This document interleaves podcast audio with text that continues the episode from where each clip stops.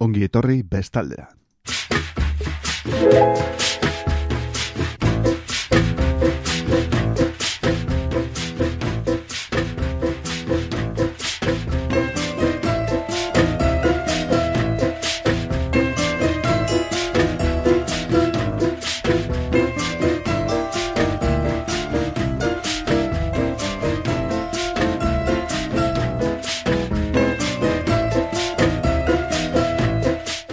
Ongitorri bestaldera entzuleok e, zer modu zaudete bestaldean. Jarraitzen dugu hemen e, noski berrogei aldian edo konfinamenduan eta batzuek lanera joan barra dukate, oraindik ere.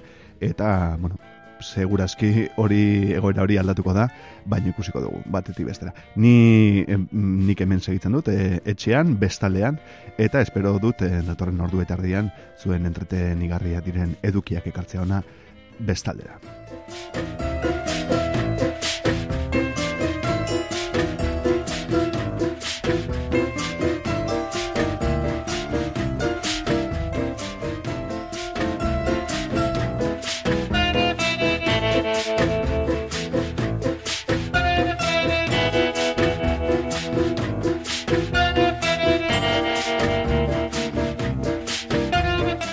Atzo iragarri nizuen bezala, gaur eh, hitzen airea gotzan barandianarek idatzitako liburua hartuko dugu eskutan, eta bertatik, e, bueno, kantu batzuk ere aterako ditugu. Benetan interesgarria da gotzan barandianek egin zuen lana.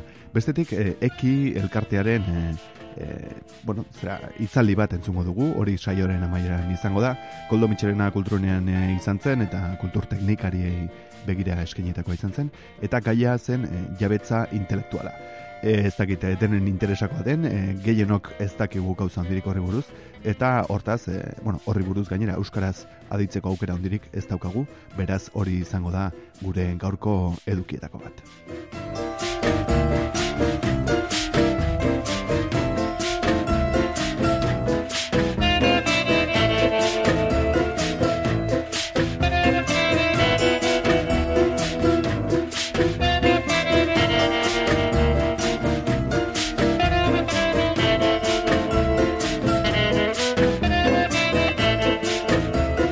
Estetika tal bat irekiko dugu BB agenda izeneko, bertan bera geratu diren ekitalien eh, agenda.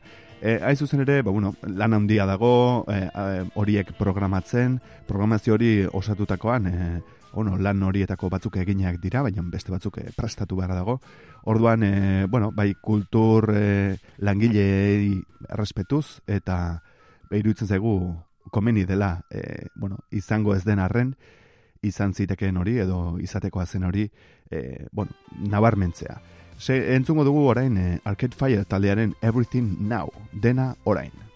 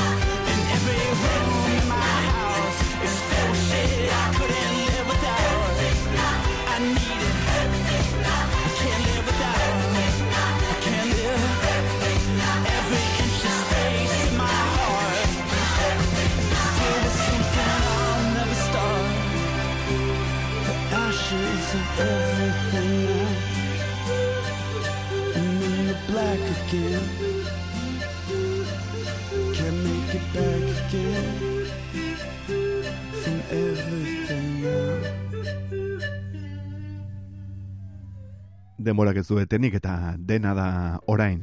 Everything Now, Arcade Fireren eh, Everything Now izeneko albumetik hain zuzen ere.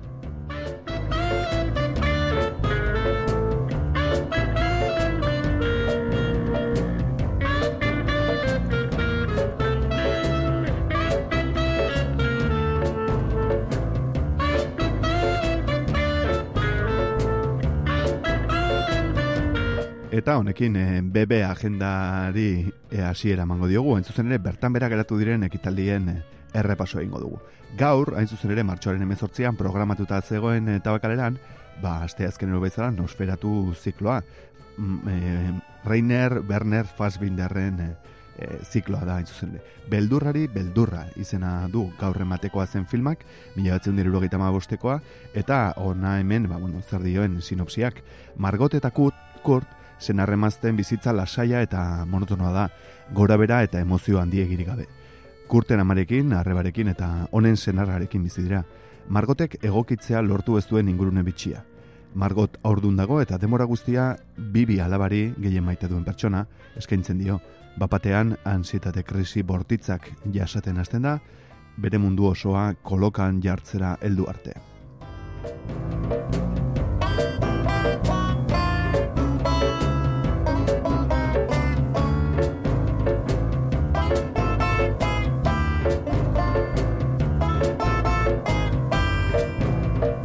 Bestetik Tomasen kulturetxean gaurko programatuta zegoen, baina euski bertan bera geratu da, porbenir, Iban Zalduaren liburuari buruz e, hilabetero egiten den e, ba, bueno, e, sola saldia. Badakizue berez e, etorkizuna izan buruarekin kaleratu zuela, eta baita, bueno, 2006an Euskadi Literatur e, saria jaso zuen Iban Zaldua idazle donostiarrak. Hortaz, e, gaurko programatuta zegoen e, saioa, hartxaleko seietan programatuta zegoena, bertan bera geratu da noski.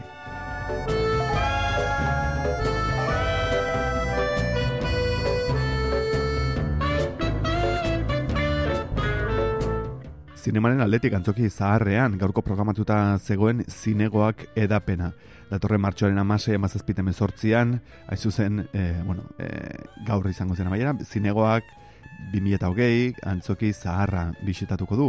Otxailaren hogeita lauan eta martxoaren eh, artean Bilbon ospatzen den gay, lesbo, trans nazioarteko zinema eta arte estenikoen jaialdi honetako bi film luze eta film labur sorta bat proiektatuko dira.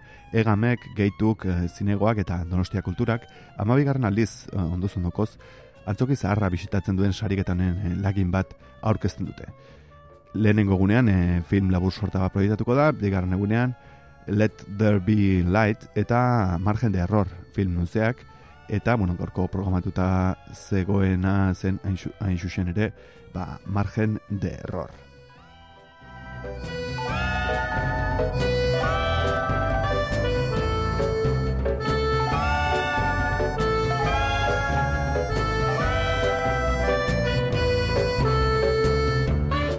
Eta be, film bat ematekoa zen gaur egiako kulturetxean, arratsaleko zazpiek eta lorrentan, La Gran Estafa du izena, The Hawks e, bere jatorrizko izenburuan, 2006ko filma da, eta Richard Gere eta protagonista.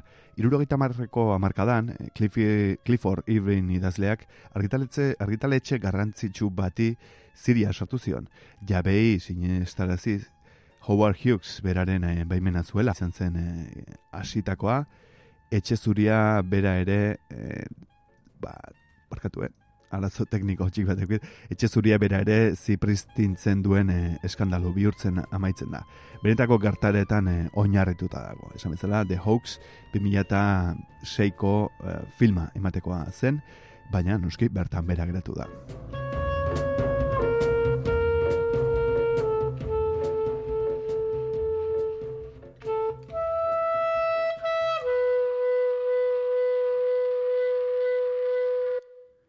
Bihar ere segura segituko dugu BB agendaren errepaso egiten, bertan bera geratu diren ekitaldien e, errepaso egiten, eta, bueno, norberak e, ikus dezala, ea naizta konpainian, e, bueno, erritarrez inguratuta ez izan, ba, kaso etxean ikusteko moduko gauzak izan itezke horietako batzuk. Zate baterako The Hoax, aipatu berri dugun e, filma.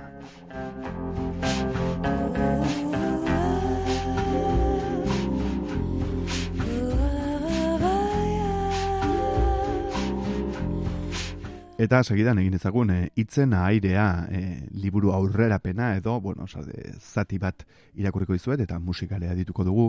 E, badakizue itzen airea saiakera susak aurkeztu zuela gotzon balandiaran idazleak, kantagintzaren inguruko gogoetak e, jaso zituen liburu horretan, baina ez edozelako kantu motak e, mota aintzat hartuta. Idazleek idatzitako letrekin sortutako kantuak, literaturak eta musikak eskuz esku sortutako piezak. Horiek soiliek izan dira liburuan aintzat hartu direnak.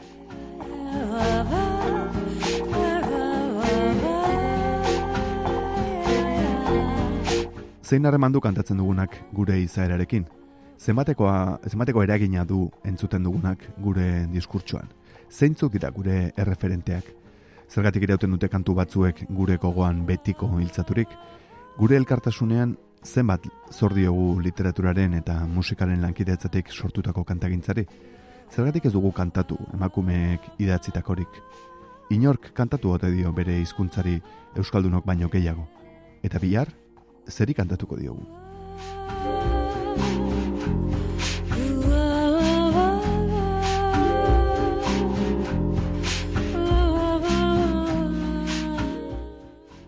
Galdera horiei erantzunguran arilkatutako gogoetek eh, hasi eta buka zeharkatzen dute liburua.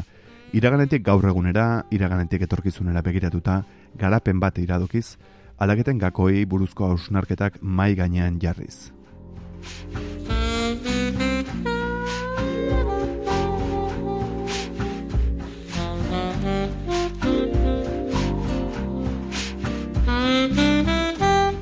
Liburuko pasarteren bat irakurriko dugu jarraian, liburu osoa irakur daiteke Susa argitaletxearen webgunean eta badago badok.info, barkatu badok.eusen, badago liburuaren eh, liburuan aipatzen diren kantuekin osatutako soinu banda.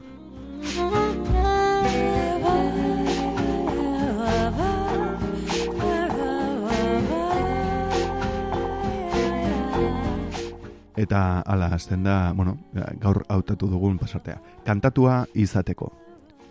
Bizi daitekeen tragediarik handienetakoa egokitu zitzaion Martin Larralde Bordaxuriri. Urrenekoen e, traizioa, e, bueno, ustez maite zaituztenek eragindako eriotza. Aitak, aizpak eta anaiak saldu zuten Martin Larralde. Besteak beste, galeretan hil zedin. Plumagaina baserriko premu izaki, zegozkion e, ondasunak eskatu zizkion aitari. Badakizue premua maiorez, maiorazkoa dela. Honek, ostera, premutzarako beste bat e, obesten zuelako, aipatu etxekoen e, laguntzarekin, segada prestatu eta morro izutenaren hilketa leporatu zioten. Rochefogteko kartzelan hiltzen bordaxuri berroi urteak betetzeke. Hala kontatzen du, bederen iritsi zaigun historioak, gertatu zitzaionari buruzko bertso sortar bidea bertso sortak bide luzea egin du Euskaldunen artean. Piarrez Lartzabal, apaiz eta itazleak, zeinaren antzerki gintzari buruzko ikerketa guztizko gomendagarri argitaratu duen Isabel Etxeberriak, e, borda xuri izeneko antzeslana apaia duzuen miratzen da irurogita bian. Kalapita handiak sortu iztuen antzestua izan zen herrietan, etxekoen tradizioaz gain, elizaren eta elizaren hipokresia, faltsukeria, zurikeria eta bestekeria batzuk salatzen baitzituen obrak ez baitut probetxurik tristaturik ere. Ni hune bat xigamben gizonik ilgabe, sekulakoz galerak enetako dire. Mila zortzi eguntan ama bosgarrena, Ni preso hartu nindutena. Pluma gaineko premu orok dakitena. Galeretan igatu beharko naizena. Ala zori gaitzeko premu izaitea Pantxo eta Peiok eh, egin zuten ezagun Martin Larralderen tragedia mila batzen dira bostean, galerianoaren kantua izenburuarekin, hospital karrere deritzon diskoa, diskoan plazatu ostean. Bidoinun hasten dira kantuan, bata itx iluna, beste adoretsua aldarte bi horiek antzematen baitira borda xuriren kontaketan. Tristezia eta kuraia.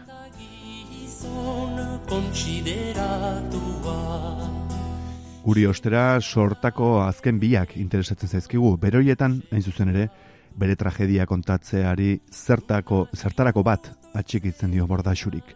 Zertarako kontatu, zertarako kantatu.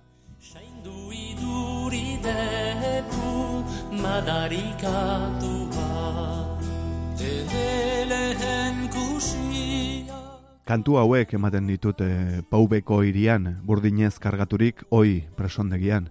Bai eta kopiatu denbora berian, orok kantatitzaten, azparne herrian.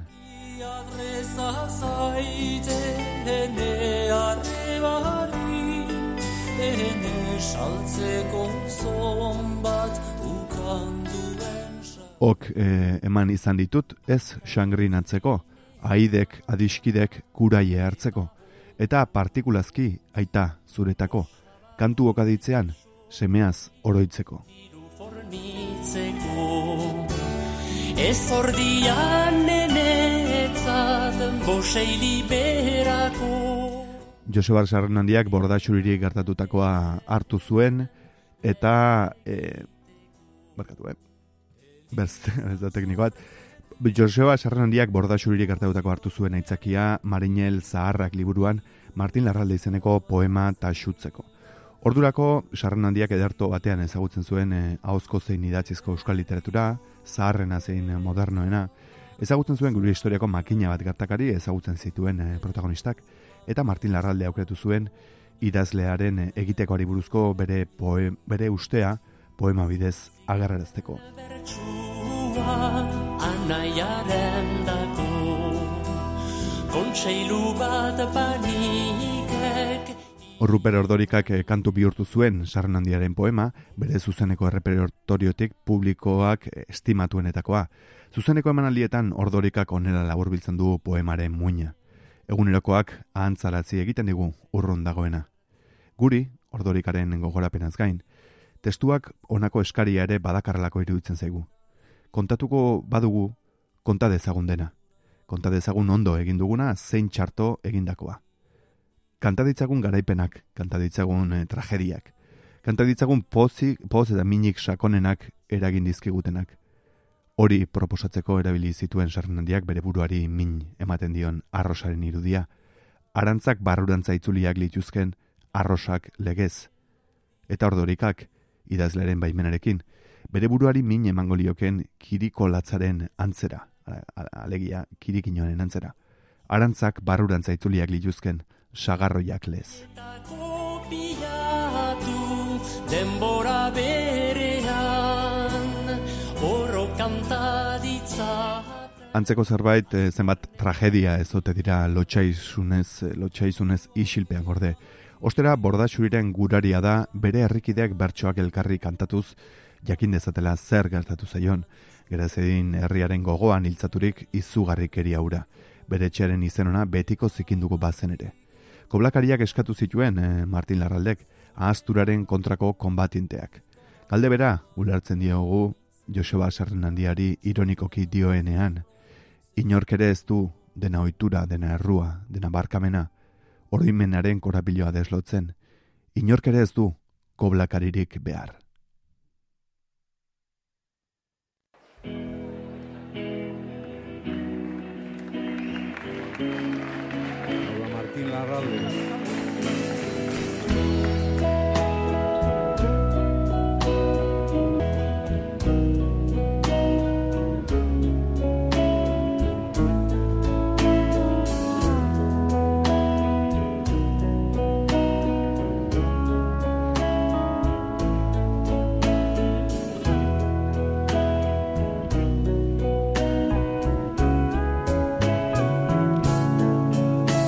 Larre berdeak etxe zuriteia gorriak Jendarme auto bat bidean Bildo txartean pasatzen. Etxe elizetan otoitzak, betiko otoitzak Neguko keiaren antzera. Lehun igotzen Martin Larraldez da sekula itzuli, baina itzuli balitz. Arantzak, barurantza itzuliak, lituzken sagarro jalez. Itzuli izan balitzen, gaurri gandea da. Larre berdeak etxe zuriteiak horriak, jendarme autoak bidean bai ondizet panopetik. Jendia familia erretratuetan bezala.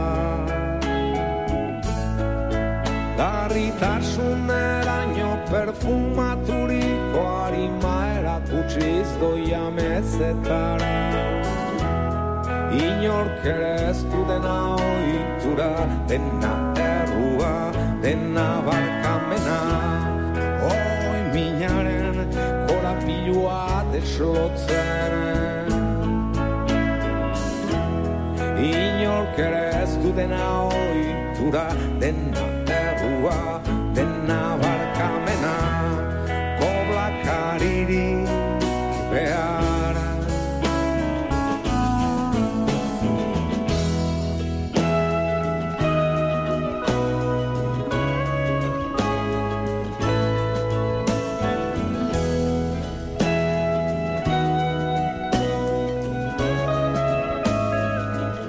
Inork ez du koblakarerik behar idatzi zuen Joseba Sernandiak eta la kantatzen du Ruper Ordorika kantu zoragarri honetan. Kantua ez dut e, osorik utziko, hain zuzen ere segidan e, bueno, jarriko baitut, aipatu dizu edan e, itzaldi zati hori, jabetza intelektualari buruz Donostiako Koldo Mitxelena kulturunean egin zuena ba, Jokin Erkorekak. E, zuzendua zegoen e, kultur e, teknikariei, hortaz ba, batzutan zueek eta aipatzen duenean, ba, bueno, jakin zazue, ba, bueno, bat zegoela hor e, ba, publiko bat bere zena. E, Martin Larralderekin utziko zituzte pixka batean, eta segitan esan bezala entzungo dugu itzaldia, bihar ona itzuliko gara, deka irratiaren sintoniara, eta bitartean ondo bili, ba, ez ere ibili, eta burua e, ez nekatu gehiegi kezkekin, eta saiatu ondo bizitzen.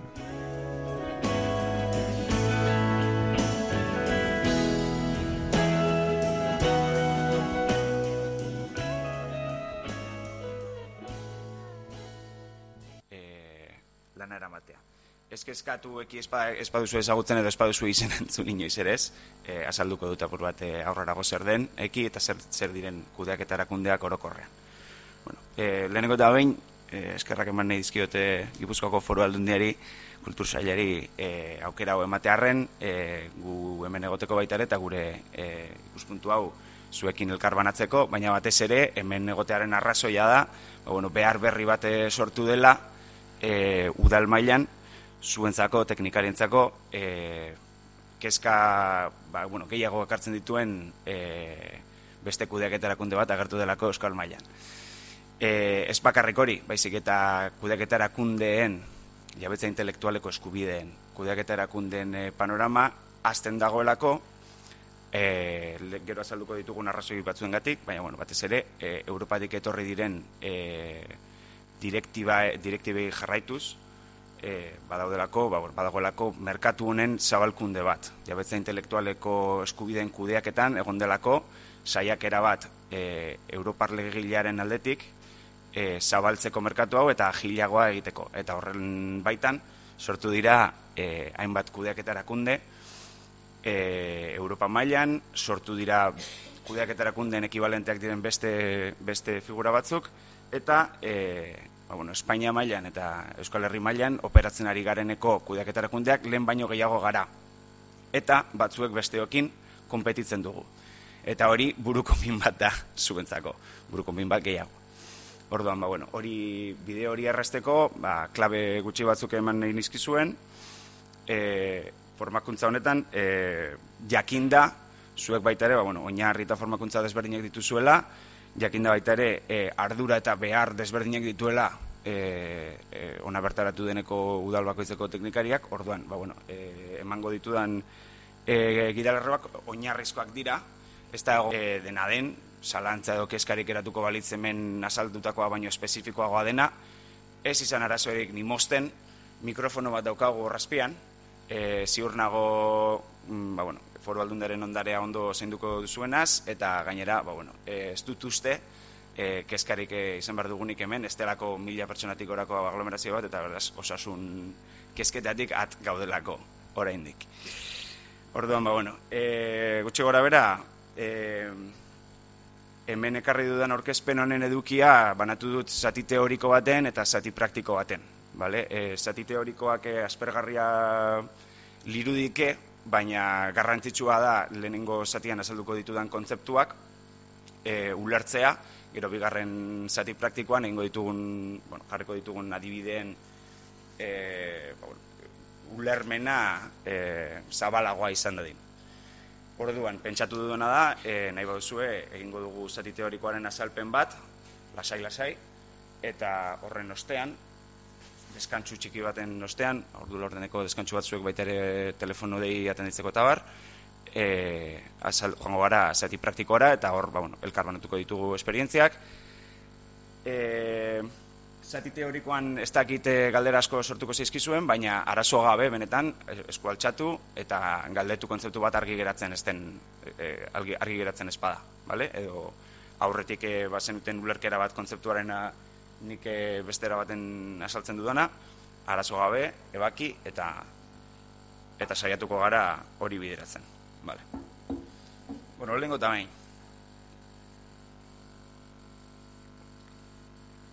Hau, jabetzen intelektuala ikusko praktikotik, baina egia esateko erdia teoriari dagokio.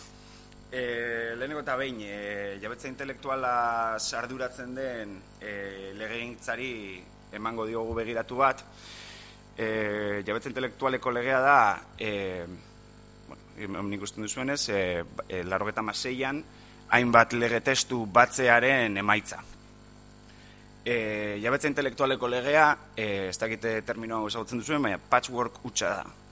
Jabetza intelektualeko legea, larrogeta maseian, sortu zen beste hainbat lege desberdin elkartzeko testu bakarrean, eta ordutik gainera, behin eta berriro modifikatua izan da. Azkeneko bost urteetan, sei urteetan, bost edo sei aldiz. Arrazoi desberdinak direla eta hemen dauzkagu e, modifikazioetako batzuk. Vale? E, ikusten duzuenez, ba, bueno, dago e, Espainiako 2019 2018 eta hogeita bate 2014 legeak sartu zirenak e, zein, zein zuen bidez sartu ziren modifikazio batzuk e, ba, bueno, lehen aipatu dugun e, jabetza intelektualeko kudeaketaren merkatuaren zabalkundearen inguruan e, eta e, kultura ministeritzeko agindua baita ere zeinak e, bere momentuan izan zuen e, bere alako efektua, baina e, zeinak gero 2018ko legean baita ere ordenamenduan sartzeko aprobetsatu zuten e, modifikazio hauek, e, ba, bueno, e, hauen e, jatorria hemen ikusten duzuena da. E, alde batetik daude, e, Europar batasunetik, e, batez ere 2008 eta 6 eta 2008 e, amabostiru eta lau direktibetatik etorri diren gidalerroak Espainiako orden, e, ordenamendu juridikora trasladatzeko, e, eta hauek dakarten da, dakartzen berrikuntzak apur bat denetarikoak dira. Daude Europa mailan ematen diren e, lizentzia multiterritorialak, badaude e, lehen aipatu ditugun, ba, kudeaketa erakundeen e, liberalizazioa hor sartuta kudeaketa erakunde pribatuak baita ere sortzea, horretan sartuko gara beranduago, baina e, bueno, ez dauka garrantzia berezik gaur e, azalduko dugunarentzako. Baita ere, e, desgaitasuna daukaten pertsonek, e, obretarako, obren aprobetxamendurako edo obren e, sarbiderako, badaukaten e, errastasunak, bueno, errastasunak emateko zentzu horretan.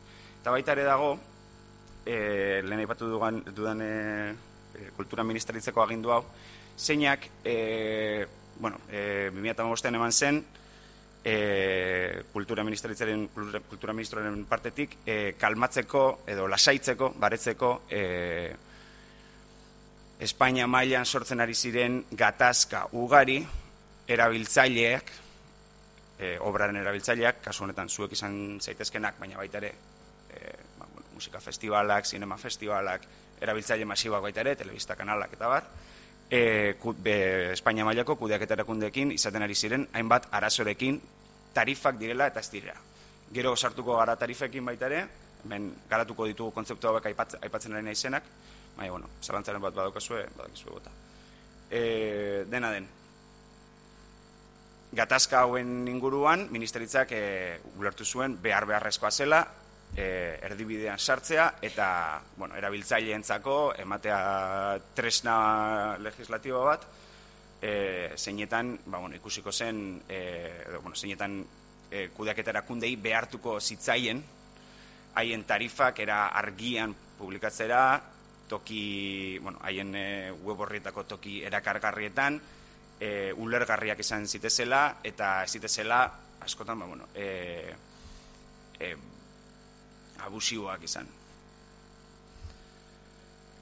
Orduan, bueno, ikusten duzuenez, e, ondorio bezala, zimaz, e, jabetza intelektualeko legea daukaguna e, ez da perfektua, eta gainera modifikazio asko jasaten ditu, guk ere batzutan zailtasunak izaten ditugu, horrekin e, jarraipena, e, jarraipen zehatza egiteko batzutan, e, ba, bueno, ikusi dituzuen 2008 eta 2008 legeak eduki antzekokoak zirela, baina batak bestea e, e, zuzentzen zuelako zentzu batzuetan, edo, edo zabaltzen zuelako zentzu batzuetan, eta, ba, bueno, e, jabetza intelektuala ez dela e, lur, bueno, ez dakite, zoru sendo bat zeinetan ibili e, aldagarria dela eta posible dela aurrengo amar, e, urteetan zehar asko aldatzea batez ere e, o, ba, bueno, guke kultura eta obrak kontsumitzen ditugun forma aldatzen doan inean.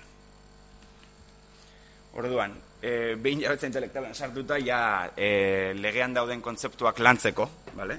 hemen emango dizkizuet zeintzu diren gutxi gora bera legeak manejatzen dituen kontzeptu orokorrak. E, baten batentzako hau espergarria bada, esan dezala, eh?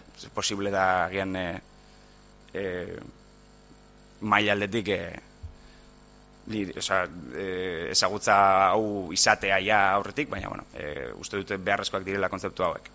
Alde batetik dago, bueno, jabetza intelektualaren kontzeptua, zina den, e, ez, ez den e, eskubiden multzo bat baina. Oda, hemen ikusten duzuenez, hemen dago, bueno, sortzailea jarri diogu, baina e, eskubide duna, demagun, eta obra. Eta obraren gainean dagoen e, eskubideen multzoa, e, multzoari deritzo jabetza intelektuala. Horrarte, misteriorik gabe. Vale. E, obra da eskubide hauen objektua. E, izaugarri hauek legeak e, sartzen ditu, hemen jartzen dituzuenak, e, hemen ikusten dituzuenak. Adi, batetik, e, giza adimenaren frutu bat izan behar du.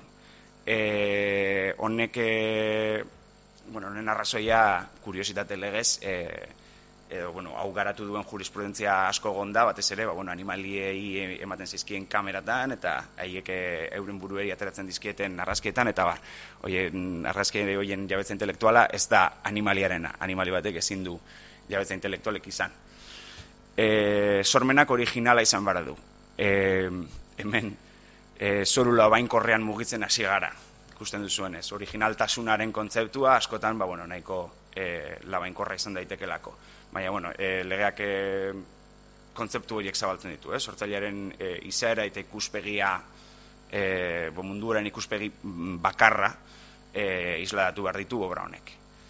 Eta gero, Euskarri zehatz baten adirazia izan behar da. Ideiak ez daude babestuta. He dicho. Vale? E, honek esan nahi du, liburu bat bada, edo novela bat bada, edo errelato bat bada, horren ideia buruan daukaguna, horrek ez daukala e, babesik. Baina idatzi badugu paper baten, boligrafo sistrin batekin, eta oso letra txarrarekin, ja babestuta dago. E, kanta gu e, melodia garatzen ari garen bitartean, ez dauka babesik. Baina mobila atera eta hori melodia hori grabatzen dugun momentik, babesa dauka. Agertu egin behar da, e, euskarri baten egon behar da. Vale. Obraren gainean daude, hemen, bueno, hemen garatu ditudan kontzeptu batzuk, e, obra ulertzen dugulako edo legeak ematen duen azalpena obraren gainean delako e, bueno, egile baten inguruan, baina gero garatzen ditu beste artikulu baten e, berezitasun hau. E, lehenengoa, bueno, lankidetzan egindako obra, ulertzen dut zuentzako, oza, e, orokorrean guke kontsumitzen ditugun obra guztiak, salbu agian e, eleberriak, novelak eta idazkiak, e, kolaborazioan edo lankidetzan egindako obrak direla. Horrek esan nahi du, obra baten egiletza dagoela banatuta e, pertsona desberdinen artean. Izan hauek e, pertsona juridikoak, ala pertsona fisikoak. E, lankidetzan egindako obra bat da kanta bat non pertsona batek letra bat egin duen eta beste batek e, musika, ez dauka besterik.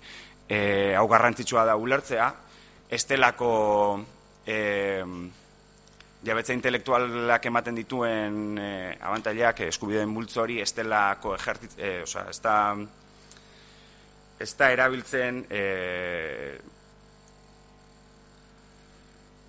eskubidedunak dauzkan eskubide hauek ez, ezin ditu e, era individualean erabili. Obra bat lankidetzan sortu deneinean, eunekotan plasma isladatzen da, normalean, e, bai erregistroan, bai kudeaketa kundetan, eunekotan e, zehaztu behar da, zein den, obra, lankidetzan egindako obra baten, e, e, zatiak e, nork, nork dituen. Normalean izango dira, ba, bueno, e, pertsona biren artean eta lan kopuru berbera egin badute, ba, uneko, uneko barroko eta marrean banatuko dute, baina egia esateko legeak ez du derrigorrez e, zehazten nola banatu behar diren euneko hauek. Egile, lankidetzan egon diren egile desberdinek erabakitzea daukate nola, nola moldatu euneko hauek. Haiek egin duten e, lanaren arabera, Vale. E, obra kolektiboak e, normalean, ba, bueno, e, gai zehatz baten inguruan egiten diren obratira, zeinak pertsona baten, edo, bueno, pertsona fizikoa juridiko baten e, zuzendaritzapean egiten diren, e, eta zeintzuen zatiak e, individualki ez daukaten zentzurik, hauak, e, obrak, e, obra e, gile desberdinek egin dituzten zati desberdinak, egin dira zehazki obra honetan, honentzako eta ez daukate izaerarik e, e, horien baitan, hori dira obra kolektiboak. Eh, obra komposatua, hau oso kontzeptu garrantzitsua da baita ere, eh, aurretiaz existitzen den obra bat hartzen badugu, demagun. Antzes lan bat egiteko, nik eh, hasierarako eta mairarako kanta bat sartzen badut. Kanta horren egilearen eh, ba, bueno, lankidetzarik gabe.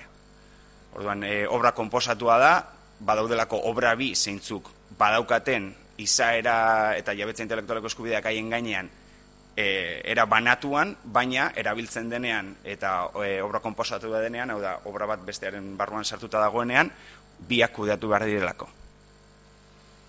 Hau nabardura dirudike, baina batzutan, ba, bueno, batez ere guk nire esperientzian e, antzeslanikin asko gertatzen den gauza bat da. E, sinkronizazio ere hemen hemen legoke. E, sinkronizazio kontzeptu lortzen ez duen erantzako, e, ikusentzuneko obra baten musikalan bat sartzen denean da. E, seguru nago e, zuen udalek askotan egin dituzela e, iragarki instituzionalak eta horietan kantak sartzen direla. Ez badira kantak e, liburutegikoak eta kanta zehatz bat egiten bada, horri sinkronizazioa ditzen da zaio eta hor jabetzen intelektualeko eskubideak sartzen dira. Vale? Eta gero, obra bat moldatzen, itzultzen, ala transformatzen bada, gero azaluko dugu transformazioaren kontzeptua apur bat luzeago, sortzen dena da obra eratorria. Hau da, nik e, hartuko banu, edo enkargatuko banu udal bezala. E, liburu baten itzulpena gero udal argitalpen, argitalpen, e, argitalpen bat egiteko, konton hartu behar dira, jatorrizko obra idatzi duen pertsonaren e, e, e, intelektualeko eskubideak, eta kontuan hartu behar dira baita ere, obra eratorri berriaren gainean, diabete intelektualeko eskubideak e, dituen e, sortzaile berriarena. Berdin, egiten badugu kanta baten moldaketa bat, gure herriari buruz hitz egiten duen letra batekin. Obra eratorria. Vale? Non sortzen den, normalean, ba, bueno, e, segun e, beti behar da jatorrizko egilaren e, baimena, hori garrantzitsua da, gero garatuko dugu. E, obra eratorria egiteko, ez badago obra e, e, jabari publikoan. Eta gero, e, segun zein moldaketa, zein transformazio gradu, zein obra mota, ba, bueno, euneko bat ematen zaio, e, obra eratorri horren e, gainean egile berriari. Vale? Eta gero, eskubide duna dago. E, askotan erabiltzen dugu gaizki e, egile eskubideak edo derechos de autor e, kontzeptua, bale? Orduan, espero dut igual gaurkoan apur bat e, hau argitzea. E, eskubide duna jarri dut hemen, eskubide duna estelako bakarrik e, egile. Eskubide duna da, bueno, hemen ikustu zuen, jabetza intelektualeko legak emandako eskubide multzoa e, dituena. Baina ez du zertan izan behar egil, obraren egile bat. Jabetza intelektualak aurpegi asko ditu, eta ganera denporan e, luzaroan, oza, asko luzatzen da, eta orduan egon aldira, besterentzeak, e, e, janospenak eta bar, orain ez alduko dizkizuet. E, esk, baina eskubide dunaren kontzeptua erabiltzaren arrazoia hori da. E, ez konfunditzeko egile eskubideekin. Ez dira beti egile eskubideak. E, momenturen baten, ez dakit, udal polikiroldegian jartzen badugu musika, ez da bakarrik etorriko musikaren egileak kudeatzen dituen erakundea, etorriko dira beste batzuk kudeatzen dituztenak beste eskubide batzuk orain orain ikusiko ditugu. Baina horregatik erabili dute e, kontzeptu hau, vale? Orduan, eskubide dunen artean garrantzitsuena beti da egilea, vale? Eta hemen legeak baita ere zehazten ditu zeintzuk diren egilearen e, e, ba, bueno, e, egilea azaltzen duteneko e, kontzeptu hauek. E, pertsona naturala izan behar du, e, sortzailea da, sortza, sortze utxagatik, honek esan nahi du, e, naiz eta babes mekanismoak dauzkagun, ala nola, er, e, jabetze intelektualaren erregistroa, zeina ez dakit badakizuen, bueno, e, e, Eusko Jaurlaritzak e, horren kudeak eta darama, e, gure, gure autonomia erkidegoan, e, ez da beharrezkoa erregistratzea, ez da beharrezkoa obra bat publikatzea, horren egiletza izateko. Behin ere, lehen aipatu ditugun e, errekisituak betetzen baditu, eh, eh, da, soporte baten badago, eh, hemen ikusi ditugunak. Euskarri baten badago, originala bada eta gize adimenaren fruitu bada, eh, ulertzen dugu horren gainean, eh, sortzailea zelera naiz eta obra hori eh, ba, bueno, argitaratzea, eh, ez argitaratzea erabaki, edo denbora batera argitaratzea erabaki. Eh, Eta bueno, hemen, hemen dago hori eh, lehen aipatu dugu, eh, lehen aipatu duguna, e, lankidetzan egindako obren gainerako, e, giletza aitortu behar, e, aitortu behar denean, parte hartzearen, e, bueno, parte hartzea plasmatu behar da, e, eunekotan. Zehaztu egin behar da, zein den, obraren gainean, e, obraren egiletzaren gainean, guk daukagun, eunekotza, izan daiteke euneko una, izan daiteke euneko 0, bederatzia, berdin digu. Vale? Hola, guaz. Vale. Eta badaude baita ere beste eskubide dun batzuk, e, bueno, hemen e, diapositiba bi daude, orain azalduko dizkizuet. E, legeak atortzen dituenak e, bigarren liburuan daude e, obren egileek egiten dituzten obren gainean eskubideak izan ditaz... E, barkatu, eskualtzetu duzu? Ez. Barkatu, impresioa eman ditu. Barkatu. E, bigarren liburuan zehazten dira, zeintzuk diren, beste eskubideak dituztenak egilek egiten dituzten obra hauen gainean. Vale? Alde batetik daude artistak, artista interprete edo jotzaileak, e, hauek dira obra bizitzara dakartenak e, haien interpretazio, irakurtze, abeste, antzeste edo beste edonolako interpretazio baten bitartez vale? E, bueno, gauza hori, e, aplikatzen da, kontuan hartu behar dugu, e, obra erreprografikoetan, horrelako antzesterik ez dagoela, ez bada e, deklamazioa, eta, eta obra grafikoen kasuan, ez da ere ez dagoela horrelako gauzarik, orduan, e, printzipioz, kude- kudeak eta erakunde hoi dagokigun aldetik gutxienez kudeatzen diren interpretazio lanak dira musikakoak, eta musikan dira grabazio baten obra bat diotzen dutenak. Eta ikusentzunekoetan, zati bat, gidoiaren zati bat, egileak egin duenaren zati bat, interpretatzen dutenak. Hau da, aktoreak edo ahots aktoreak.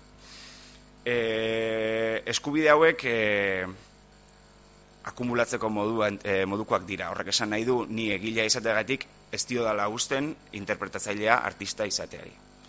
Nire kanta nik idatzi badut, eta nik jo badut, eskubide biak dauzkat obra horren gainean. Vale?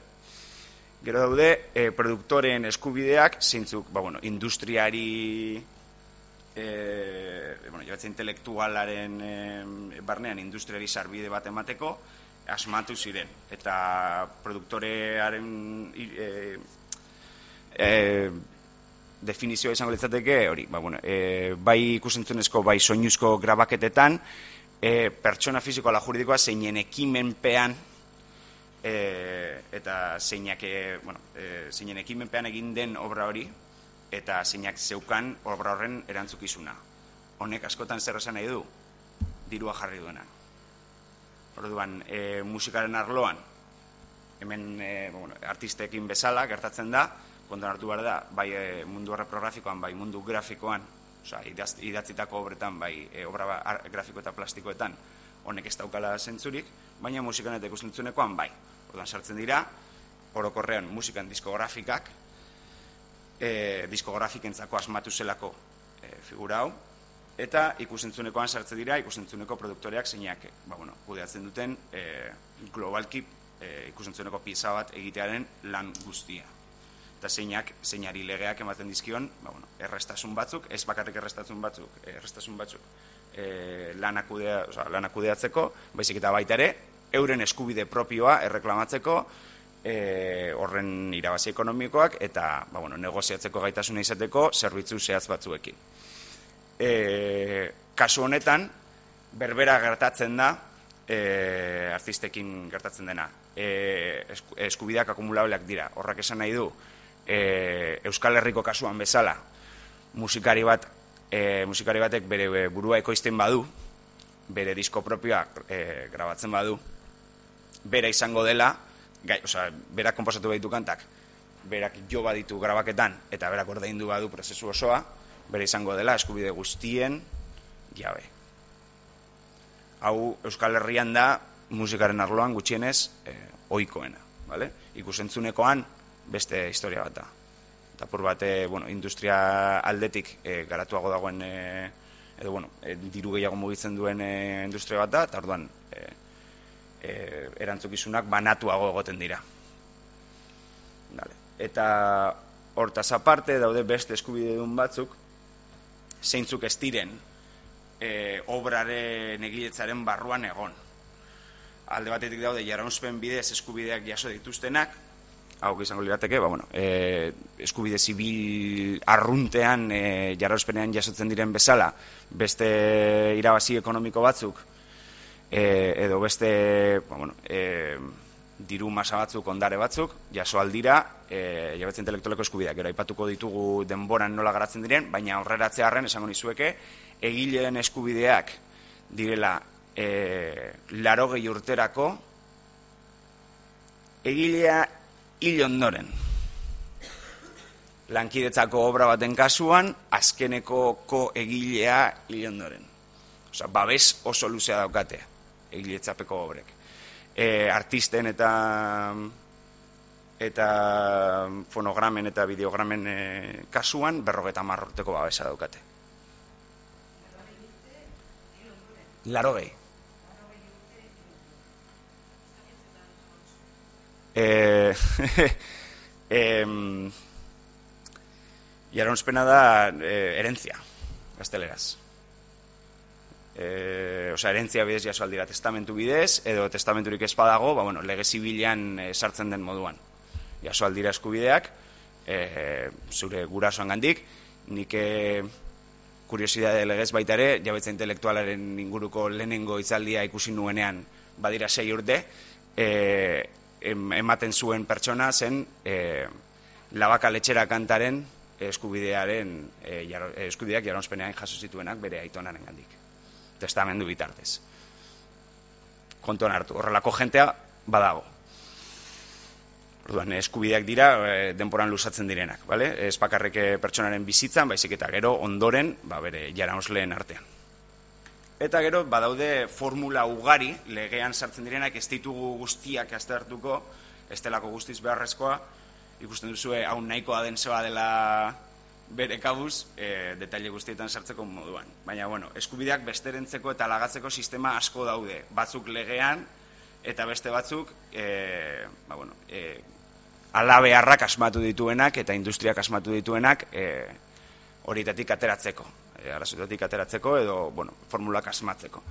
Orduan, e, ba, bueno, eskubideak besterentzeko eta lagatzeko kontratu asko, formula asko daude, eta lagatzailea izan daiteke, e, pertsona fisiko ala juridiko bat, segun nola nahi dugun. Askotan, ba, bueno, hor jarri dituen adibideak, ez da? Antzerki konpainiak. Nola antzerki konpainia batek, bateratzen dituen egile desberdinen, e, ba, bueno, egile batek egin diolako gidoia, beste egile batek egin diolako eszenografia, beste egile batek egin diolako obrarako musika, eta nola kontratu baten bitartez, lagapen bat e, egin dezake, antzerki konpainiak berak kudeatzeko emanaldi bakoitzaren eskubideak eta gero berak ordaintzeko e, egile bakoitzari.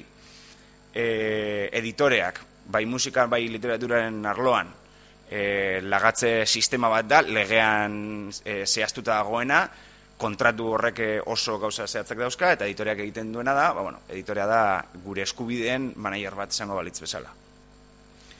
E, gaizki eta harin esan da, eh? e, ondar elkarteak, artista grafikoen kasuan asko gertatzen dena, e, txilida bat, adibidez, ezta? edo teiza bat, horrelako artistek zeintzuek ba, bueno, ondaren masa bat e, daukaten eta obra masa bat, eta bizi diren bitartean eta gero hil ondoren, baina bueno, ja obra bat, obra luze bat daukatenean, ba, bueno, eskubide hauek lagatzen zaizkie ondare masa hauei, fun, zeintzuek elkarte edo fundazio izan daitezken, eta zeintzuek e, kudeatzen dituzten, e, lan hauen eskubideak era masibo baten, era handi baten.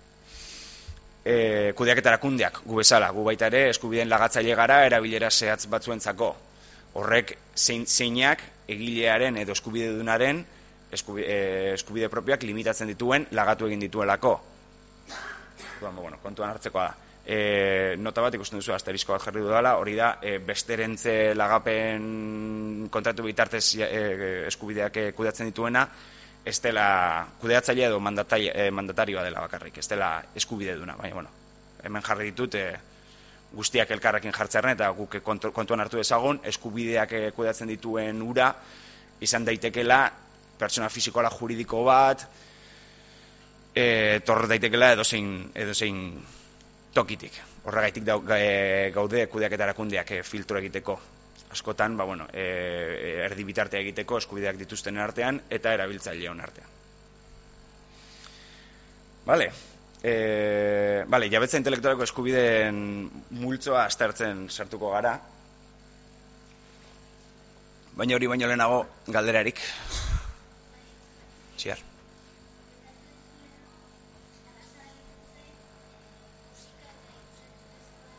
Mm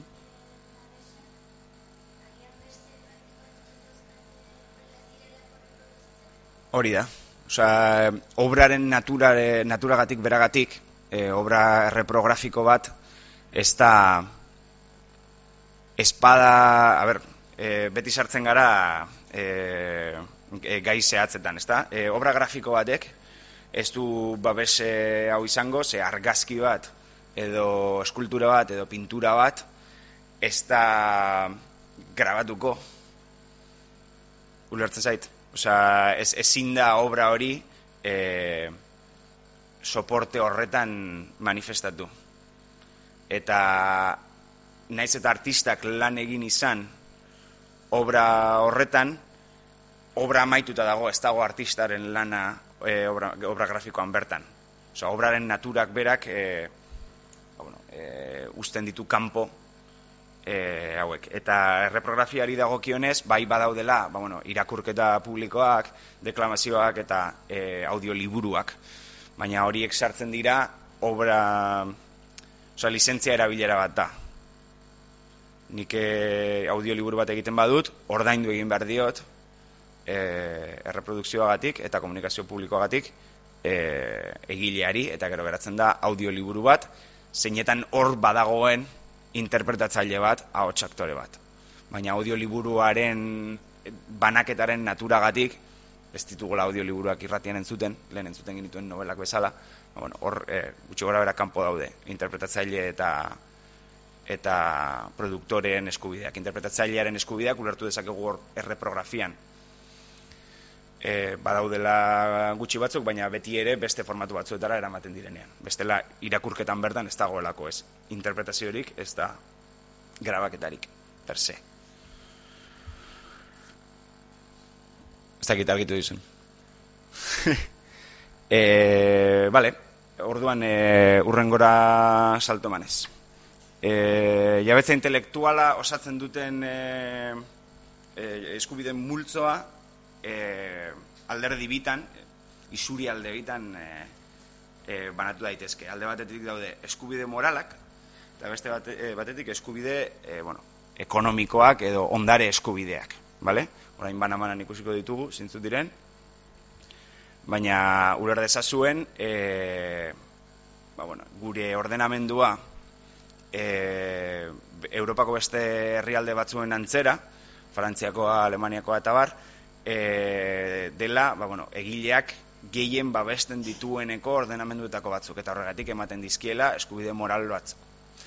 E, beste ordenamendu juridiko batzuek, adibidez, e, herrialde anglosaxoiek daukatena, e, ingalaterrak, e, bueno, e, resuma batuak, estatu batuek, australiak eta bar, askoz ere merkantilagoa da, eta hor eskubide moralak askoz ere murritzagoak dira, eta besterentzako modukoak dira. Hemen ez, orain esalduko dugu. Eta gero eskubide ekonomikoak, bueno, horiek inpepinableak dira, eta mundu guztian agertzen dira. Pata negra.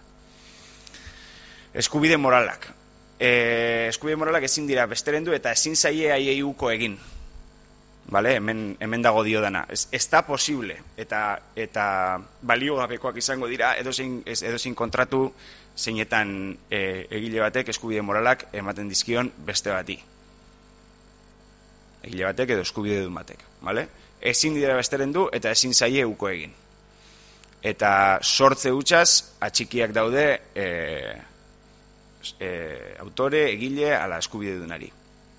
Kasu honetan, e, ba, bueno, eskubide moralen multzoa e, zabala da, baina hemen daude punturik garrantzitsuenak, alde batetik. Obraren egiletza hain, e, e, haintzatetxi e, dagiola eskatu dezake egile bakoitzak eta eskubidedun bakoitzak. Eta erabaki dezake zein eratan egin behar den obra horren zabalkundea. E, bere izena, zera anonimoan, izango ditu bitartez, ala, zabalkundea egin behar den ala ez.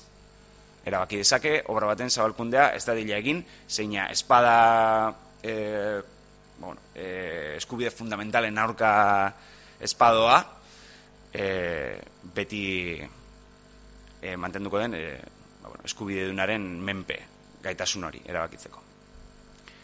E, eta beste aldetik, e, dauka gaitasuna eskatzeko, ba, obra honen esotasuna errespetatuta dila, e, beste, bueno, egiten zaion edo zein aldaketa deformazio e, ala erabilera zeina e, eskubide dunaren iritziaren e, iritzi ideologikoaren iritzi e, pertsonalaren kontra doan horren e, kontrako akzioak dauzka.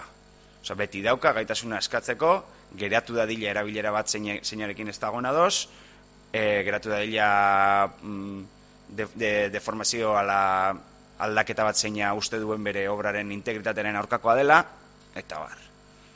Vale? Hauek dira eskubide moralak, eta gero daude ondarezko eskubideak. Hauek dira guretzako garrantzitsuenak liratekenak.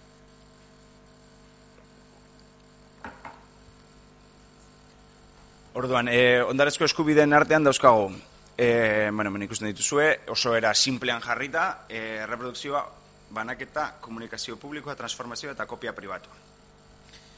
Eta gero dagoia garraipen eskubidea, zeina den e, legean, ba, bueno, lehen aipatu ditugun aldaketa, eh, aldaketen artean sartu zena. Osa, hau da eskubide bat, e, beti existitu izan dena, gero desagertu zena Espainiako ordenamendu juridikotik, eta gero berra gertu zena. Horain azalduko ditugu banan-banan, baina lehenengo ikusi behar ditugu e, e, ondarezko eskubide hauek banantzeko era bat, bale? Goian dauden la, e, lauak dira esplotazioan oinarritutakoak, eta beste biak ez. Orduan, esplotazioan oinarritutako ondarezko eskubideak hauek dira, bale? Alde batetik, erreprodukzioa. Erreprodukzioak e, duena, fijazioa, zuzenean ala zeharka, behin behinekoa, ala behin betikoa, edo zeineran. Eta formatan, obra guztiarena ala zati batena, zein komunikatu ala zeinetatik kopiak egin litezkeen. Honek esan nahi du, egiten ditugunean kopiak, obra batenak, horien banaketarako izan salmenta ala ez honetan e, suposatzen dut e, ba, bueno, udaleke esperientzia izango duzuela publikazioak egiteko momentuan. Erreprodukzioaren eskubidea hori da.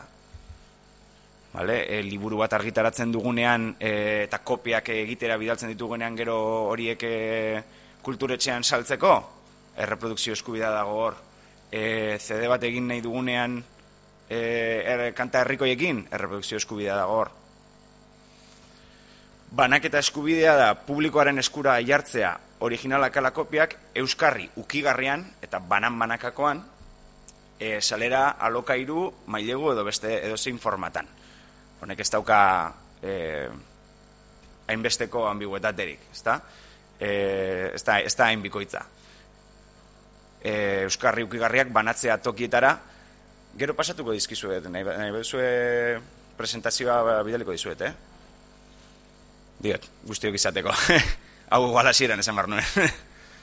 e, bai, bueno, banaketa eskubidea da, e, hori, ba, bueno, e, banatzea, bai dendetara, bai e, liburutegietara, bai bueno, legearen e, definizioa nahiko zaharkituta dago, hemen jartzen ikusten duzu lagun mailegua sartzen dela, eta mailegu, bueno, bideoen mailegatzea aspaldi da egiten ez duguna e, komunikazio publikoa eta hau da e, jabetza intelektualean gehien okupatzen gaituen eskubidea. Seguru zuei erabiltzaile bezala okupatzen zaitu ustela, e, antolatzen dituzuen e, emanaldiei dagokielo, dagokiela, eta guri baita ere gutxienez nire lanaren eneko laro marra da e, komunikazio publikoko erabilerak likidatzea.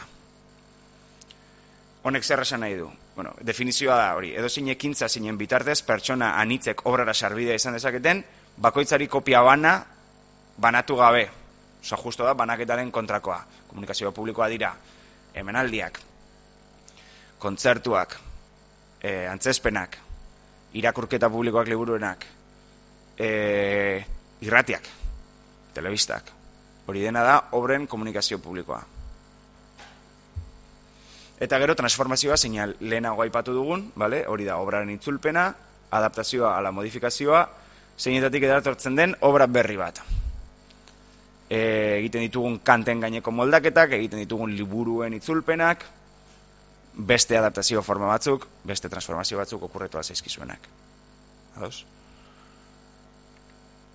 E, beste eskubideak, ez dira ingarrantzitsuak, e, kopia pribatuagatiko kompensazioa seguru ezagutzen duzuela, aurretik gan, e, kanona deritzen eskubidea da, edo beti, bueno, kanona deitu, e, kanon digitala ditu izan zaion eskubide hori, kopia pribatu agatiko kompensazioa oso momentu txarrean dago, e, ba, bueno, bere momentuan e, obren pirateoaren e,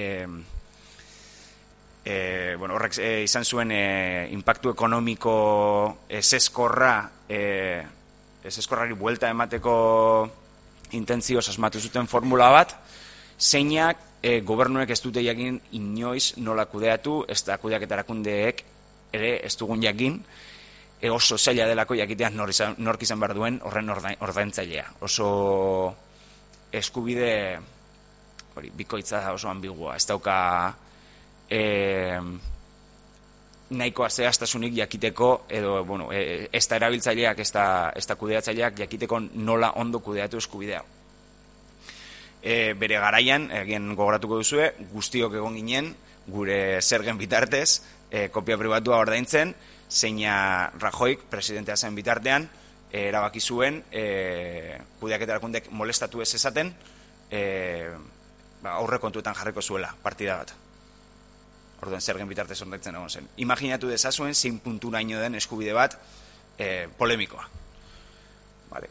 Eta gero dago, e, jarraipen eta ala parte hartze eskubidea. Vale? E, obra grafiko eta plastikoen kasuan bakarrik da, eta hau da, normalean, ba, bueno, obra originalak egiten direnean, eskultore batek, margolari batek, e, argazkilari batek, obra bat plasmatzen duenean, era bakarrean, obra horren salmenta bakoitzaren gaineko parte hartze eskubide bat.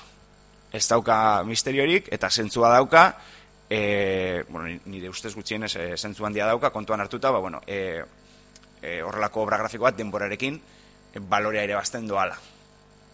E, e, segun, bueno, e, artista bera baita ere, ba, bueno, azten doan, bere ikuspegia azten doan, eta bere hasierako obrek, ba, bueno, balio ere basiko duten. Orduan. Hau ikusita. E, orain ikusi behar dugu, nola diren e, ondarezko eskubide hauen artean e, desberdintasun garrantzitsu bat, vale? Hemen ikusi dituzue antolatuta, batzuk dira eskubide esklusiboak eta beste batzuk dira ordainketa utxekoak. Hau oso garrantzitsua da zuen jardunerako. Zer gaitik? Ordainketa utxeko eskubideak dira jabetza intelektualeko legeak aitortzen dizkionak kudeaketara kundei kudeatzeko haiek bakarrik. Horrek esan nahi du, e, kudeaketara kundeok daukagola gaitasuna legeak emana, eskubide hauek kudeatzeko guk eta beste inorkez. Seguru, aldez aurretik entzun duzuela, beste kudeaketara kunde batzuek, gure kasuan ez da, ez da gertatzen, baina e, volumen asko zere handiagoa daukaten beste kudeaketarakunde batzuek, nola, kobratzen duten, eta gero, usten duten pendiente banatzeko baten, eta baskidetzen ez pasara, bost urtetan haientzako da. Bate batek entzun du hau? Los pendientes de identificar? Ez? Vale, ba, bueno. Hau beti gertatu izan den gauza bata. Non e, kudeaketarakundek, ba, bueno, gaitasuna daukaten ez legeak emana kobratzen duten e, osotasun bat zeina gero eurek banatu behar duten, eta banatzeko momentuan geratzen dira banatuta e, kopuru batzuk pertsona batzuentzako zeintzuek ez dakiten, eta zeintzuek espadiren kudeaketa erakunde horretako bazkide, ez duten inoiz jasoko. Vale? Baina, eskubide esklusiboak goiak daudenak, dira norberak kudeatzekoak esklusiboki.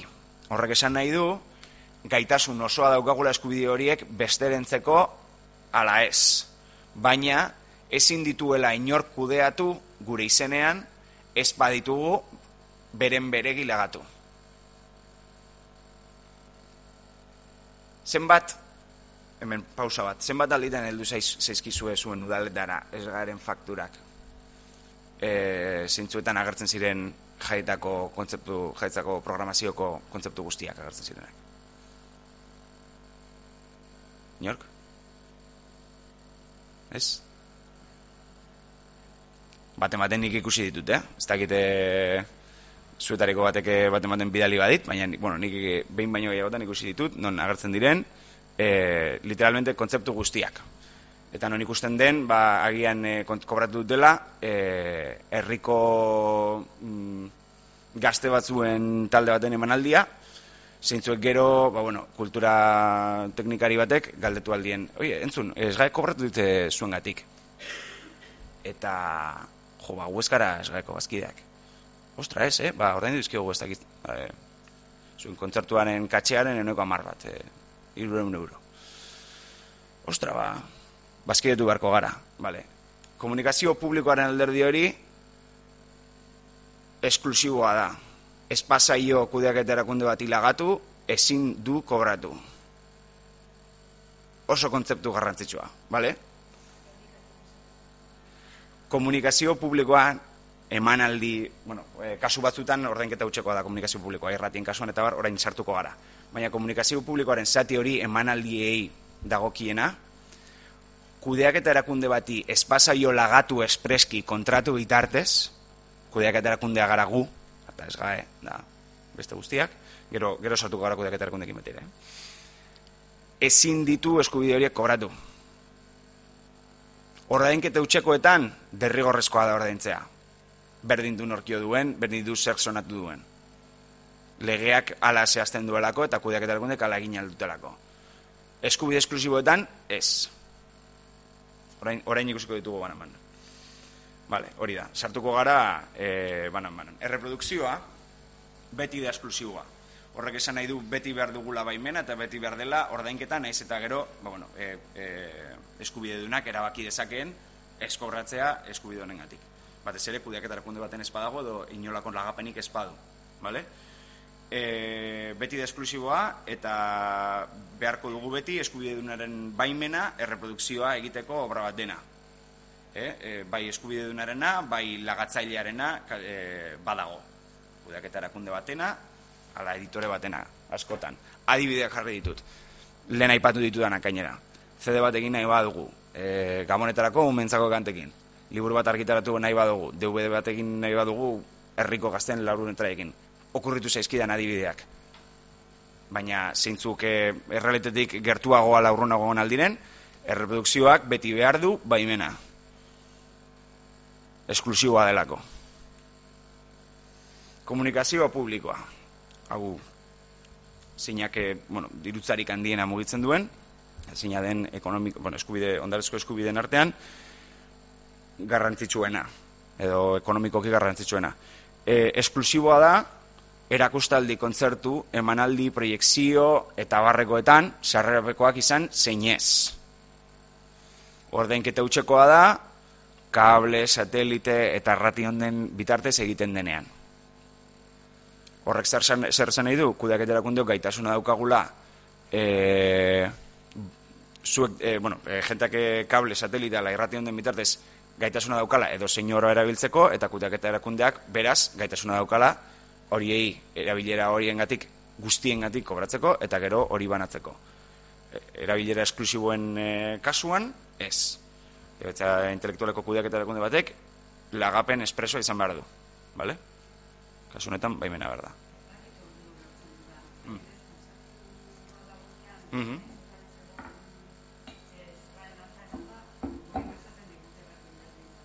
Hori da esan dudana. Ezin dute. Mhm. Ezin da. Osea, ni- ulertzen dute eta ikusi dut gainera eudelen, eudelen hitzarmena. Bai, bai, baina, a ber, tarifak, aplika, tarifika, tarifak aplikatu behar dira bakarrik, kontuan hartu kudeaketa erakunde bat baino gehiago gaudela. E, eta bio kobratzen gabiltzala kontzeptu berberengatik. Ez da, kompetentzian gaude. Orduan, kudeaketa erakunde bat ez dago monopolioan.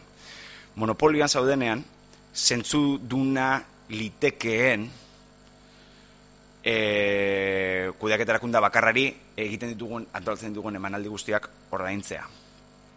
Ezta? Gero gonda dinor eta ere, e, egilea helduko da baskidetzera momenturen baten eta eta hartuko ditu irabazi horiek.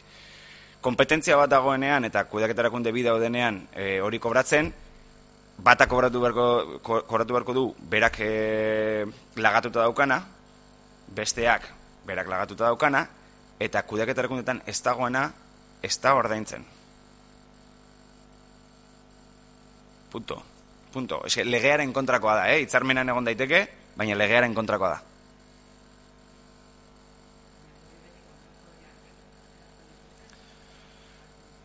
E, garatuko dugu nahi baduzu gai hau eta kom- e, komentatuko dugu, baina, bueno, gainera eudeleko Osa, eudelekin guk elkarrezketa hau izan dugu askotan, eudelek bere, gaia, bere garaian, orain dela urte pare bat, e, kompetentziaren autoritateari, Euskal Au- e, kompetentziaren autoritateari eskatu zion e, e, informe bat, esan zedin, ea eudelek hitzarmen hori mantendu behar duen, ala ez, kontuan hartuta, kude- kudeaketa erakunde desberdinek daudela kompetentzia. Gu egon gara hor, e, bueno, e, e, landabururekin eta, eta marrekin, Vale, ka- kalejirak beste kontu bat izan daitezke. Baina, baina nik diotzut, kontzertu bat rock talde batena. Zeina ez dagoen e, kude, e, kudeaketa erakunde baten. Kale jirak, obra batzuk e, babespekoak izan daitezke, beste batzuk ez. E, estatos, claro, estatos dela. Hmm. Hori garatuko dugu, gai horiek garatuko ditugu apur bat, biak, bale? E, e, nola da, likidazio zehatzena, osea, e, erabilera zehatzagatiko likidazioena garatuko dut apur bat, eta, eta baita ere jabari publikoarena, eta agian horrek argituko dizkizu, baina e, amaieran ez baduzu guztiz argi, garatuko dugu berriro, bale?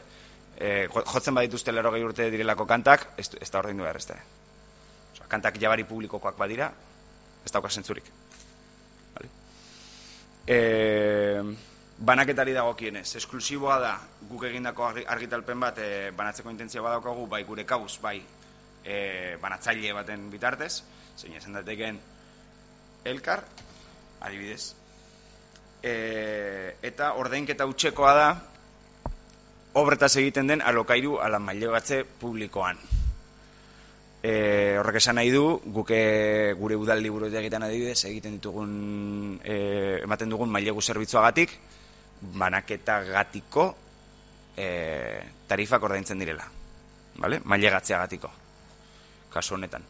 Honen inguruan baita ere, lehen legegintzari dagokionez ez dut aipatu, baina badago e, ez dut e, agindu ministeriala dela baita ere, e, edo errege dekretu bat, oso oso laburra zeinak zehazten dituen udaldi burutegien inguruko e, e, tarifak nolakoak izan behar duten zehazki.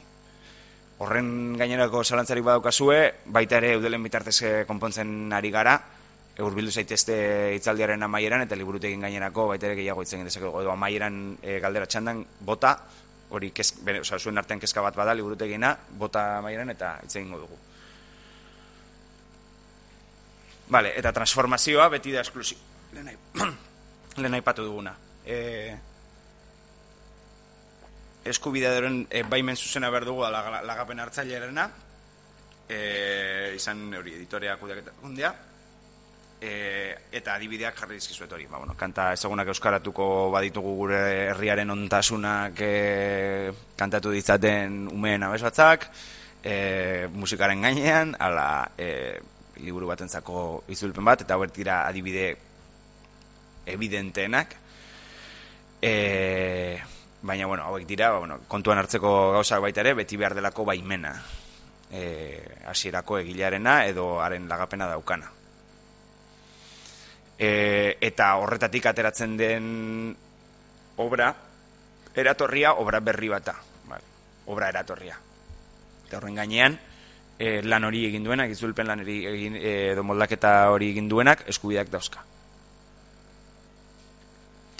Mapa txiki hau egin dut, lehen aipatu ditudan guztiak ikustitza zuen. Vale? Orain arte, hor da- hor daude jabetza intelektualeko eskubideak. E, hor marra bat zegoen, baina desagertu egin da. E, eta eskubide, bueno, jabetza intelektual eskubideen artean, dauzko hori eskubide moralak, ondarezko eskubideak, ondarezko eskubideen barruan esplotazioan oinarrituak eta besteak, eta esplotazioan oinarrituen artean dauzkagu ordainketa utxekoak eta esklusiboak direnak. Vale? Uste dut mapa hau lagungarria esan daitekela, gero esan dizuete, bidaliko dizuet nahi baduzue e,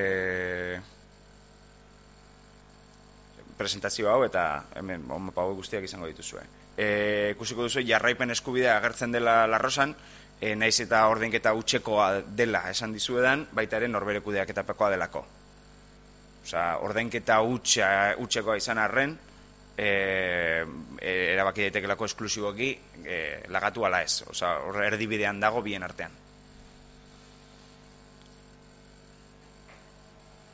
Argi geratzen da gutxi gora bera.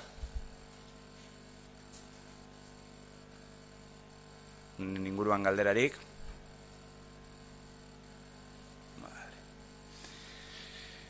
Eta hemen daude eh, eskubideen limiteak zeintzuk diren. E, uste dut hauek eh, baita ere garrantzitsuak direla, kontuan hartzeko, e, ba bueno, e, ez dadin arazorik egon, ulertzen dut e, udalen kasuan, ba, bueno, e, limite hauek gehienetan ez dela aplikatzen, baina ezagutzeko garrantzitsuak dira, bale.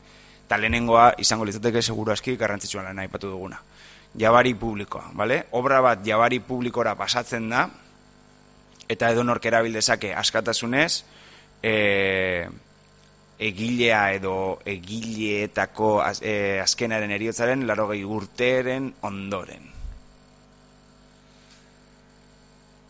Eta artista eta interprete edo fonogramen kasuan berrogeta marrurteren kau. Ez dauka misterio gehiagorik. Eta orduan pasatzen dira jabari publikora. Horrek esan nahi du, obra horiek guztiek erabili ditzakegula. Baina kontuz, eskubide desberdinak egon daitezke obra baten gainean. Zer esan nahi du honek.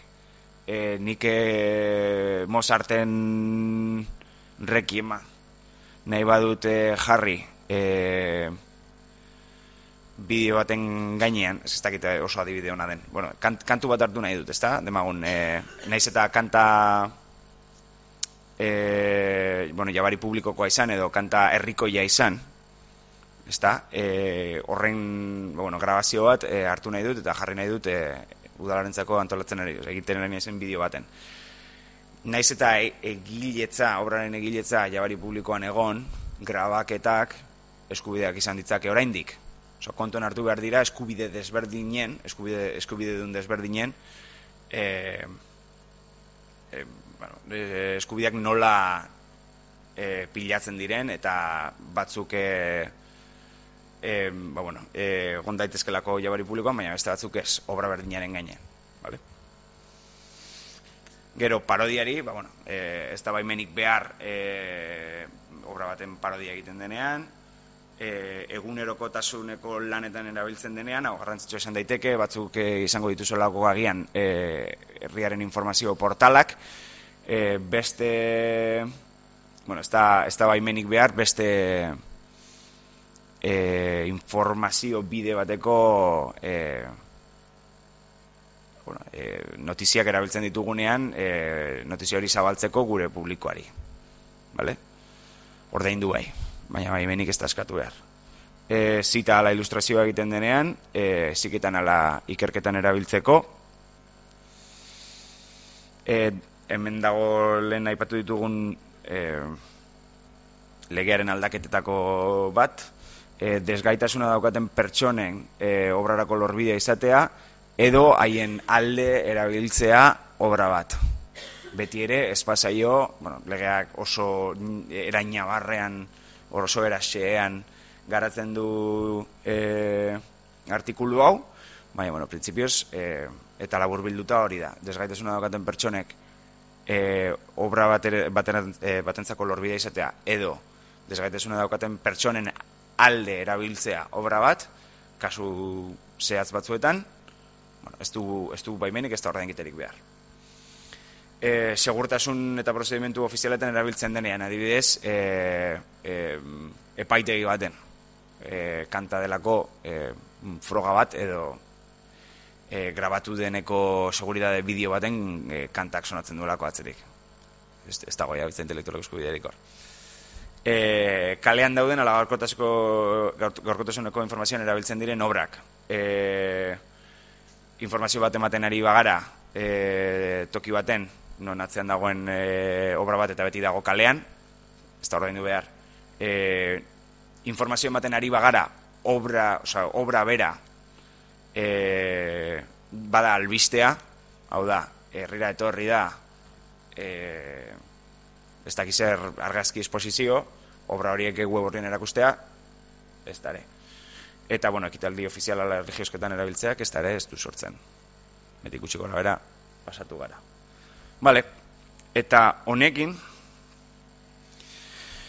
nik eh, amaitu dut, eh, gutxi gora bera, eh, zati teorikoa eta urrenez datorrena da, bueno, azalpen bat kudeak eta erakundeak zer garen eta ondoren, ba, bueno, e, alderdi praktikoa.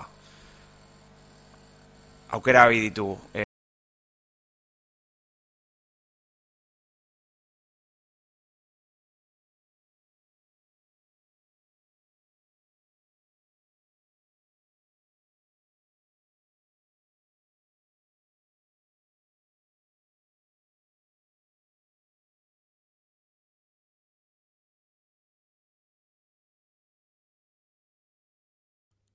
Zeruan donostiarrik ez.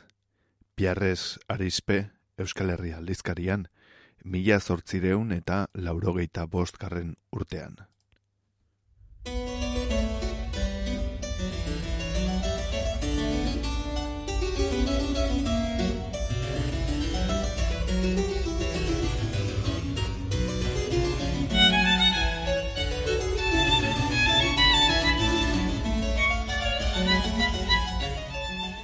Donostiarrek hainitz irriak eta jostetak eta jauziak maite omen dituzte. Onan on daukaten kondaira bitxi bat, donostiar batek arras poliki eman dautana, eta zuretzat iskribitzen dutana. Egun batez behaz, biarrez apostoluak zeruko atea utzi behar izen zuen apur batez. Minez omen zagoen, naiz zeruan ezten minik, Norbeiten bila zabilalarik haren eskuetan bere kargua zeruko giltzarekin emateko, ikusi zuen Sebastian, donostiarren patroina, eta errantzion. Adi ezazu adiskide maitea. Ezote zintuzke edukiko nere giltzak denbora laburtxo bat, atsegin handiarekin, erraten dio Sebastianek.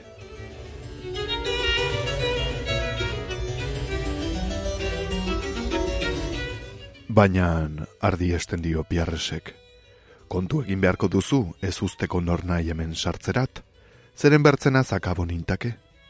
Zuk, Sebastian, Sebastian zarelakotz, donosti arguziak zerurat iganarazik nahiko dituzu, ditutzu, eta ez da hori nire kontua, ez eta ere justua.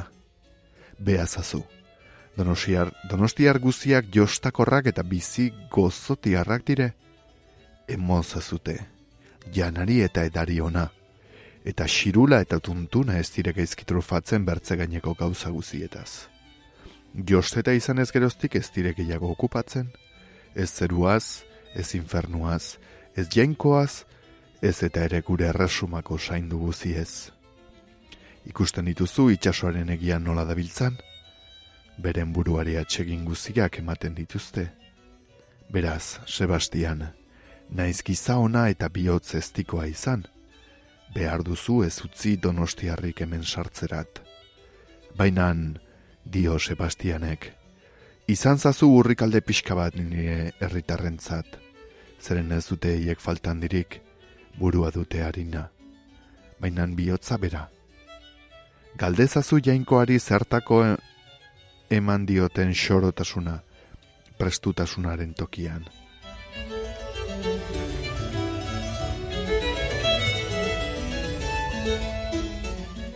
Zer nahi duzu bada, erraten du orduan piarresek. Nik ez dezaket bertzela egin. Ez dut nahi donostiarrik batere zeruan. Zeren bakarrik izanen litake? Edo bertze batzuekin. Bakarri balitz, tristezian biziko litake. Eta hainitz balire, ez ginduke gehiago bakerik zeruan. Arrabots eta aru asko eta beti xirula eta tuntuna gintuzke. Beraz, Sebastian, ni hor donostiatek. Ongi da piarrez jauna, zure naia egina izanen da, zuren eskuetan dire gakoak.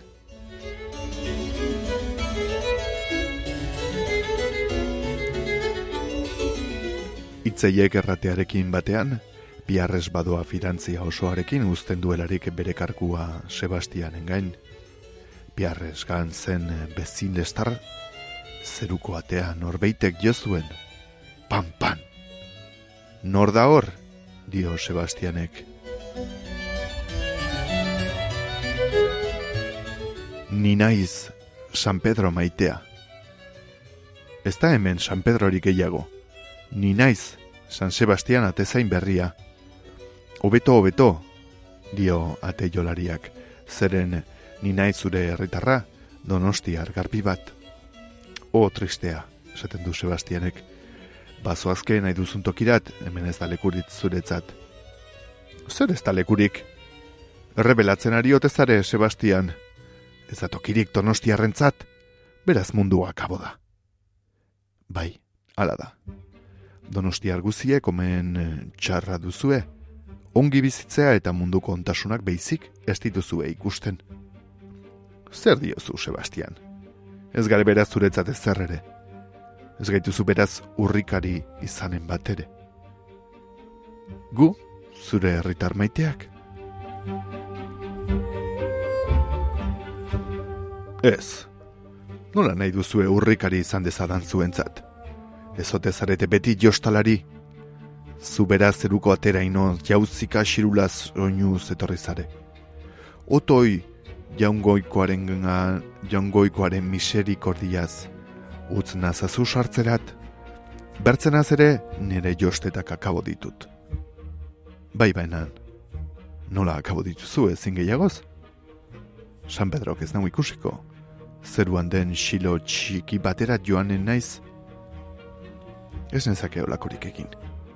Zeren San Pedrok ez du gehiago nigarrik egiten, eta begiak argiak ditu, eta ikusten bazintu igorriko ninduke laster purgatoriorat eguntxo batzuk pasatzerat. Zer da zuretzat egun batzuk, egun batzuk purgatorioetan pasatzea? Oizu dio zuzuk, dio Sebastianek. Ezagunda ez sekulan izan du toki triste hartan. Zuaz nahi baduzu zer honi? Zeruan etzare sartuko? Ez nahi zela sartuko? Ez. Ez ez? Ongi da. Zure bihotzaren gainean ez ez zer egin. Ikusiko dugun ere bizkarrak zerbait egin lezaken. Eta ordu berean, Sebastian eta Donostiarra, bat alde batetik eta bertzea bertzetik, hasi ziren pusaka.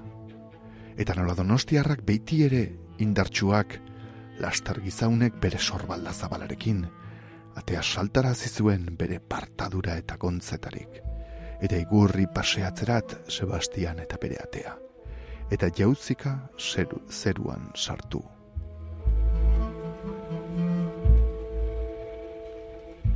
Sebastian dena tristatua aearen eh, antolatzen ari zen noiz eta ere heldu beitzaio piarrez.